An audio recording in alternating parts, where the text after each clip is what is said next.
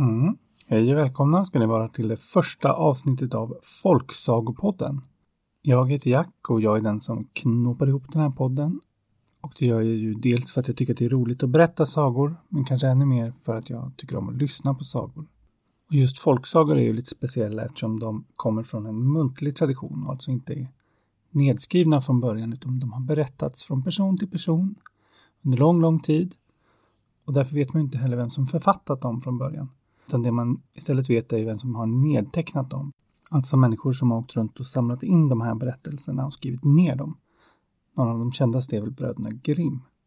Men tanken med just den här podden är att det inte ska vara så mycket prat om sagor utan mer rena sagor. Men är man intresserad av var sagorna kommer ifrån från början, eller alltså vem som har nedtecknat dem och var jag har hittat dem, så kan man titta i beskrivningen till avsnittet, så står det där. Och eftersom folksagor är muntliga sagor från början så ska jag också försöka återberätta dem. Så jag har alltså inget skrivet manus utan jag har lite stolpar som jag utgår ifrån. Så om man hör en saga som man kanske har hört som liten och inte riktigt känner igen sig helt så beror det helt enkelt på att det här är min återberättning av den sagan. Okej, men då ger vi oss på temat som idag då är Hungriga jättar. Och det beror på att den första sagan vi ska lyssna på, som heter Ekorren och jätten, en folksaga som jag hörde när jag var liten. Och när jag kom på att jag skulle starta den här podden så visste jag direkt att den skulle vara med. Och den handlar om just en väldigt hungrig jätte. Och när jag sedan började leta folksagor så visade det sig att det där med hungriga jättar, det var något som var ganska vanligt. Så då fick det bli temat på första avsnittet. Så här kommer första sagan i första avsnittet. Ekorren och jätten.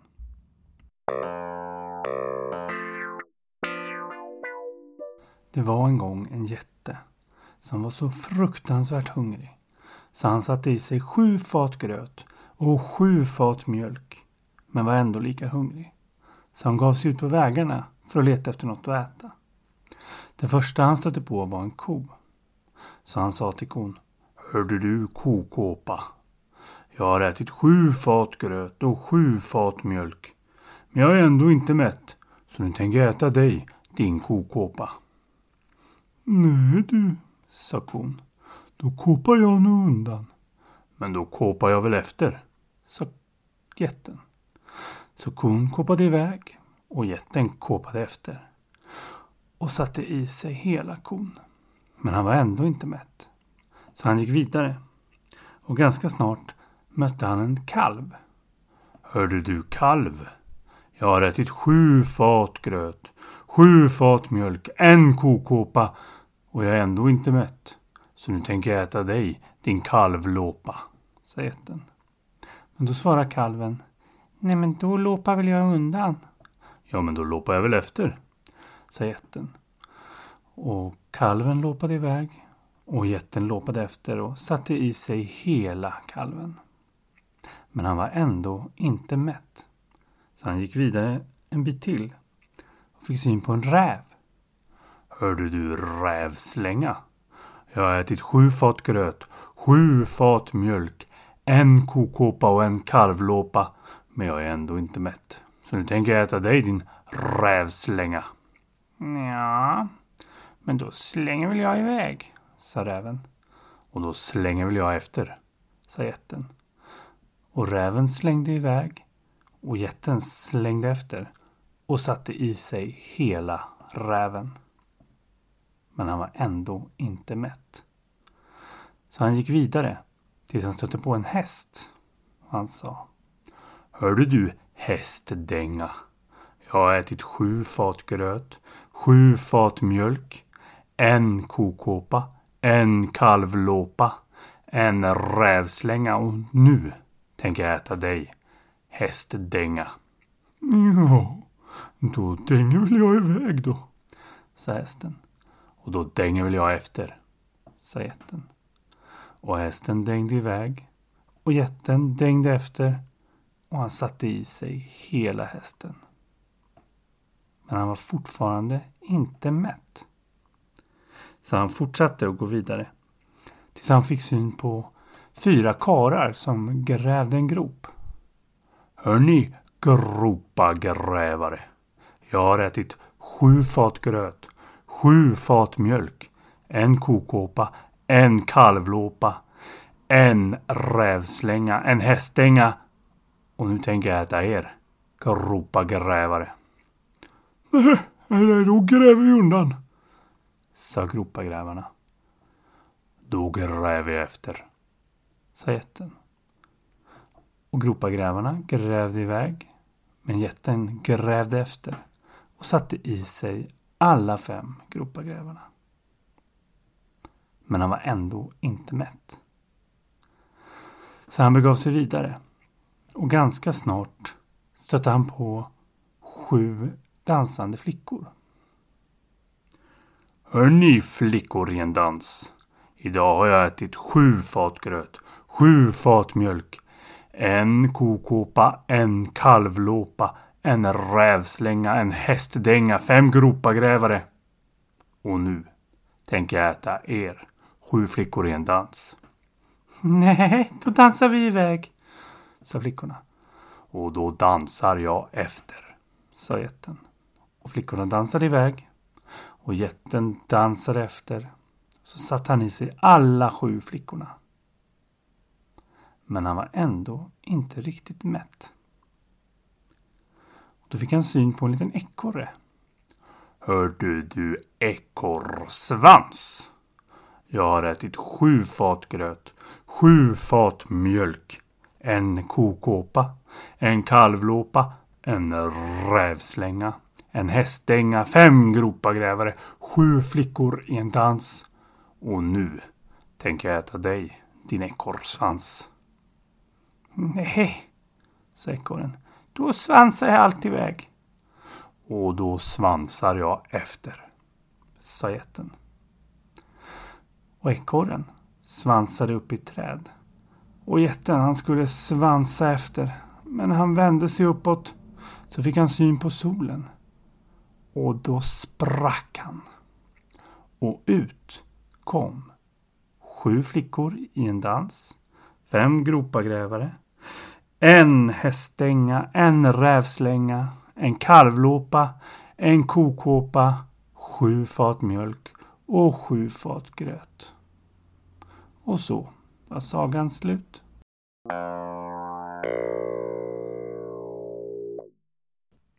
Mm. Så kan det gå om man är för hungrig.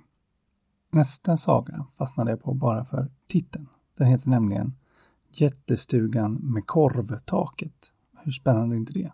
Jag kände i alla fall att jag direkt ville veta mer om den där stugan med korvtak. Och det vill säkert ni också. Så här kommer den.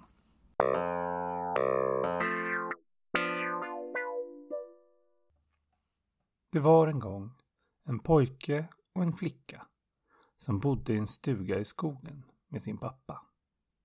De var väldigt fattiga och en dag bad pappan sina barn gå ut i skogen och hugga lite granris.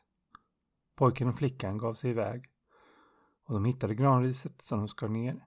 Men när de skulle gå tillbaka märkte de att de hade gått djupare in i skogen än de brukade och inte hittade hem. Pojken byggde då en liten koja av granriset och sa att de kunde sova där över natten. När de vaknade nästa morgon var de väldigt hungriga. Och flickan var väldigt ledsen. Så pojken sa Stanna här så går jag ut och hittar mat. Pojken gick en lång bit in i skogen och efter ett tag fick han syn på en stuga lite längre bort. Han gick ditåt och när han kom närmare fick han se att hela taket var gjort av korv. Det där skulle vara perfekt mat för både mig och min syster, tänkte han. Så fick han se att i stugan bodde en stor jätte. Han smög sig ändå fram till stugan, klättrade försiktigt upp till taket och började plocka på sig korv. Men jätten, han hörde att det var någon på taket så han sprang ut och ropade Vem är det som trippar runt på mitt tak? Pojken blev nervös men kom snabbt på att svara eh, Det är bara en liten fågel. Jaha, sa jätten och gick in igen för han tänkte att en liten fågel kan väl inte göra någon skada. Pojken hoppade ner med fickorna fulla av korv och sprang tillbaka till kojan han hade byggt. Och han och hans syster festade på den goda korven. Men snart föll natten Och de hade fortfarande tittat tillbaka. Så de fick sova en natt till i sin granriskoja. Och när de vaknade morgonen efter var de båda väldigt hungriga igen. Så pojken smög tillbaka till jättens stuga. Klättrade upp på taket och igen sprang jätten ut. Vem är det som strubbar runt på mitt tak? Eh, det är bara en liten fågel, sa pojken igen. Och jätten, han gick på det en gång till och gick tillbaka in i sin stuga. Och pojken kunde smyga tillbaka till grankojan och äta korv med sin syster. När de hade fått spendera ännu en natt i skogen och de igen vaknade hungriga så frågade systern om hon inte fick följa med till det där häftiga huset med korvtaket. Pojken ville egentligen inte ta med systern men hon tjatade och hon var så ledsen så han gick med på det. När de kom fram till stugan smög sig pojken upp på taket igen. Och ut kom jätten och ropade Vem är det som smyger runt på mitt tak? Pojken svarade igen eh, Det är bara jag, den lilla fågeln. Och det tyckte hans syster var så roligt så hon började skratta. Och när jätten hörde skrattet fick han syn på både pojken och hans syster och ropade Ni är ingen fågel, ni är ju barn! Pojken ropade till sin syster Spring, spring fort tillbaka till kojan! Och systern sprang iväg och pojken skulle springa efter. Men då ramlade han rakt igenom ett hål i taket, rakt ner i stugan. Och jätten fick tag i honom och sa Haha, vad är det här för liten pojke? Det ska vi nog göra en stek av. Men då var jättens fru där och sa Nej, han är alldeles för mager för att ätas. Låt mig göda honom först. Så pojken blev satt i en liten bur. Och jättens fru matade honom med smör och ost och nötter så att han skulle bli fet. Efter några dagar i den lilla buren kom jätten och sa Får jag känna på ditt finger så jag kan känna om du har blivit fet och god? Men pojken, han var klok. Så han stack ut en pinne istället för sitt finger. Och när jätten kände på fingret så var det alldeles benigt. Nej, han är alldeles för mager, sa jätten. Och pojken fick återigen leva några dagar på nötter och mjölk och ost. Tills han var riktigt fet. Då kom jätten tillbaka och sa Ge mig ditt finger nu. Pojken stack igen ut en pinne. Och jätten sa Nej, han blir ju inte fet. Och vände sig till sin fru. Du måste mata honom mer. Men frun, hon sa har han inte blivit fet nu, då kommer han aldrig bli det. Det är lika bra att vi steker upp honom direkt. Nu blev pojken nervös. Men som tur var sa jätten Inte än. Jag måste ha hit gäster också som får äta den goda pojksteken. Jag rider iväg och hämtar dem så kan du starta ugnen. Så jätten red iväg och hans fru startade ugnen. Och snart kom han bort till buren och plockade ut pojken och sa du var ju alltid riktigt feten. Upp nu på min brödspade så ska jag steka dig. Men pojken han var klok även nu. Så när han satte sig på brödspaden så ramlade han direkt av. Med flit. Sitt ordentligt, sa jättens fru. Men pojken ramlade av gång på gång. Till slut så sa gumman Flytta på dig så ska jag visa hur man sitter. Och så hoppade jättens fru upp på brödspaden och satte sig alldeles fint. Och då var pojken snabb och skjutsade in jättegumman i ugnen så hon stektes och dog. Sen sprang han därifrån med fickorna fulla av korvar bort till kojan där hans syster hade väntat i många, många dagar. Hon var förstås förskräckt och ledsen men blev så glad när han kom tillbaka. För hon hade trott att han var död. Flickan var förstås väldigt hungrig så pojken gav henne av korvarna han hade tagit med sig. Borta i stugan kom jätten och hans vän ridande tillbaka. Båda väldigt hungriga och sugna på en god pojkstek. När de klev in i stugan så kände de att ugnen var på och undrade vad jättens fru var. Hon brukade ju alltid stå glatt vid dörren och hälsa. Så jätten gick bort och öppnade ugnen och där fick han se sin fru alldeles uppbränd. Han blev så förskräckt så han dog på fläcken. Och hans kompis blev så förskräckt så han red snabbt iväg. De båda barnen fick sova ännu en natt i grankojan för de kunde inte hitta hem. Och när de vaknade morgonen efter var de som vanligt väldigt hungriga. Pojken smög därför tillbaka till stugan än en gång men lämnade sin syster hemma för att det inte skulle bli som förra gången. När han kom fram klättrade han som vanligt upp på taket och började plocka på sig korvar. När han fick syn på hålet som han hade ramlat igenom och han kunde inte låta bli att krypa fram och försiktigt titta ner. Och då fick han syn på jätten liggandes där död på golvet. Då förstod han att stugan inte var farlig mer. Så han sprang och hämtade sin syster och tillsammans plockade de på sig så mycket korv de kunde och allt guld och silver de kunde hitta i jättens stuga. Och när de klev ut ur stugan med fickorna fulla av korv och guld så fick de syn på en stig. Och den stigen ledde dem raka vägen tillbaka till sin pappa. Och efter den dagen var de inte fattiga mer och de levde lyckliga i alla sina dagar.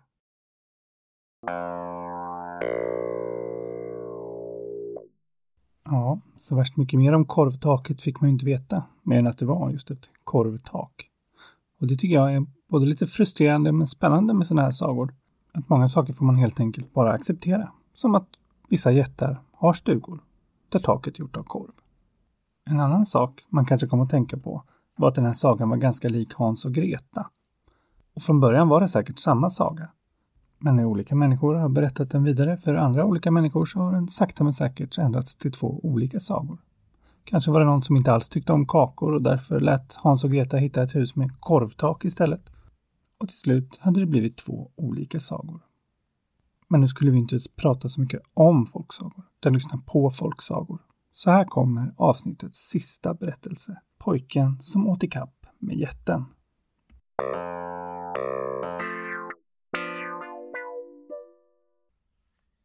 Det var en gång en pojke som var ute och vallade får. Och utan att han visste om det råkade han valla fåren rakt över en jättes marker.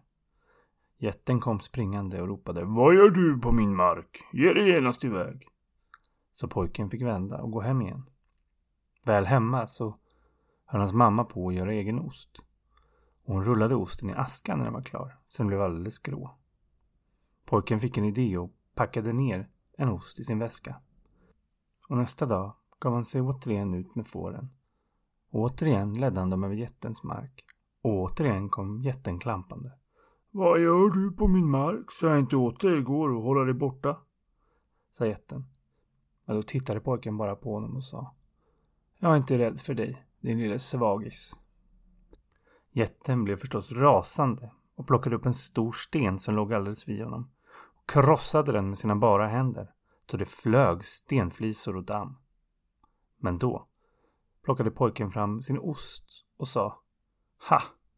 Krama en sten till flis, det kan väl vem som helst. Men krama vatten ur den, det kan bara någon som är riktigt stark. Och så plockade han upp osten som hans mor hade gjort. Och när den var rullad i aska såg den faktiskt ut som en sten. Och så mosade han den i handen så att det rann vatten mellan fingrarna. Jätten visste inte vad han skulle tro, så han tog upp en till sten och krossade den mellan fingrarna.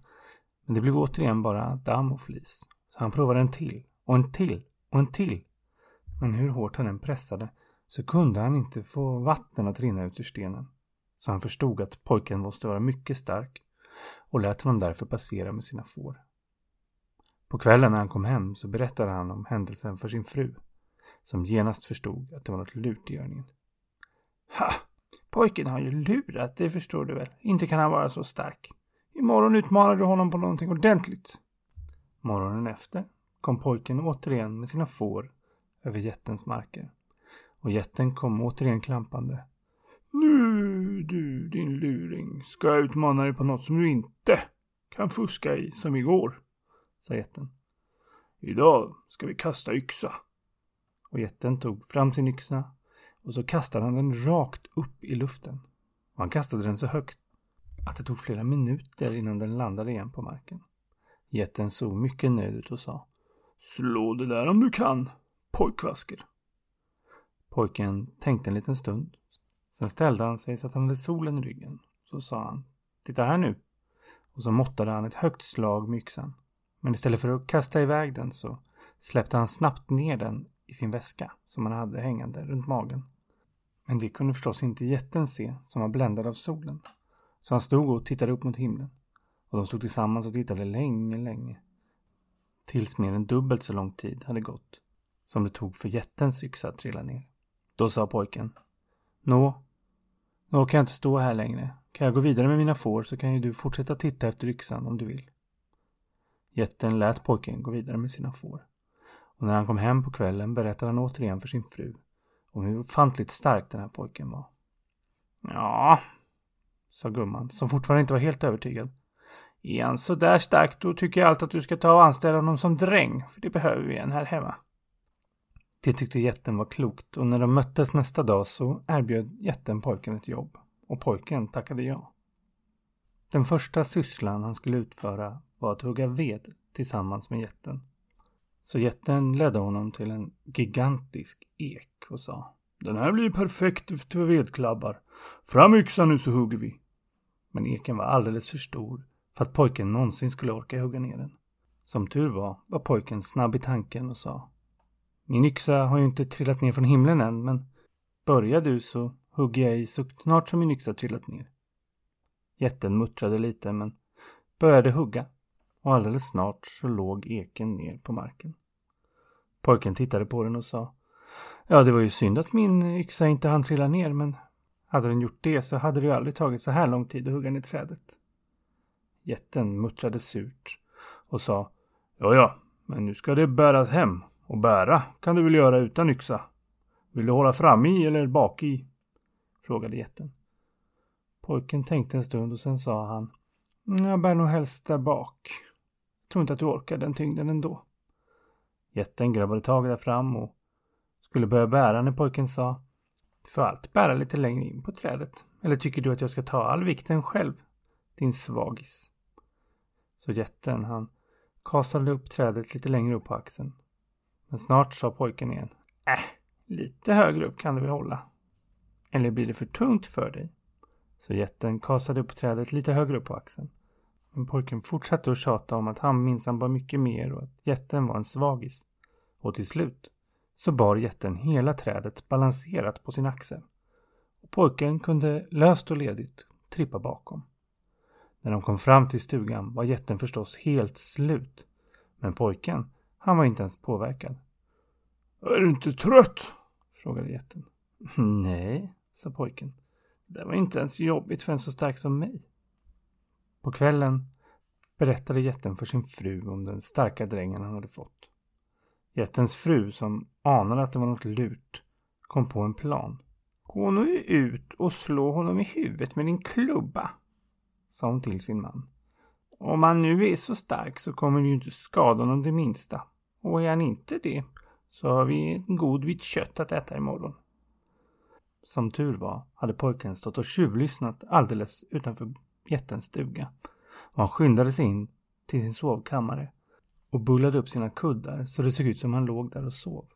Strax därefter kom jätten in och med sin klubba slog han ett hårt slag rakt ner i sängen så det yrde av fjädrar från kuddarna.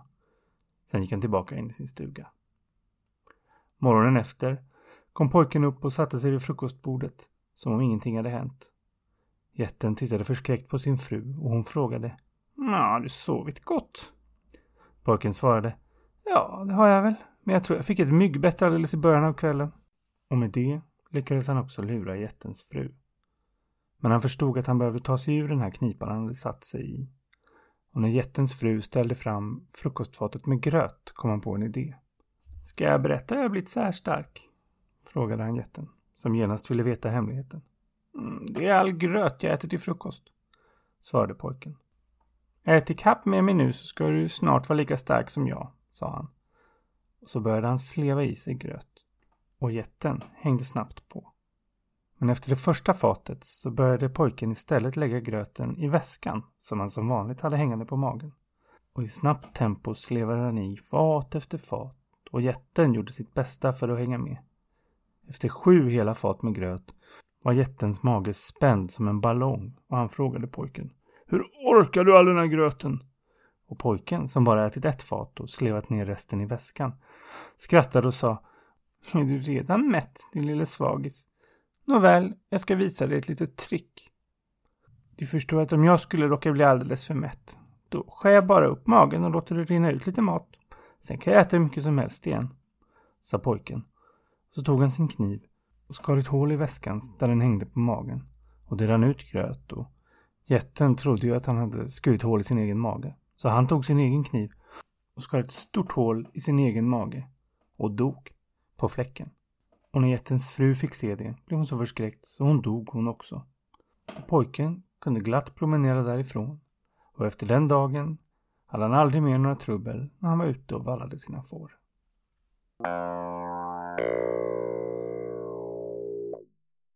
Ja, det har inte gått så bra för någon av det här avsnittets jättar. Och man kan ju tycka att det är lite mycket död och blod och sånt.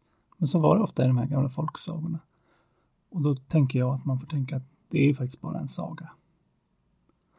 Ni ska ha jättestort tack som har lyssnat på det här första avsnittet. Och om ni tyckte det var bra får ni jättegärna tipsa en kompis eller en farmor eller ett barnbarn eller en kusin eller någon på jobbet eller på skolan. Eller varför inte prova att återberätta en av sagorna för någon. Vill man mig något så hittar man mig på Instagram där jag heter Folksagopodden. Lyssna gärna på nästa avsnitt som har temat tanter. Producent var Anna. Omslagsbild Elin. Och musiken stod MC Snack för. Till nästa gång, lev lyckliga i alla era dagar.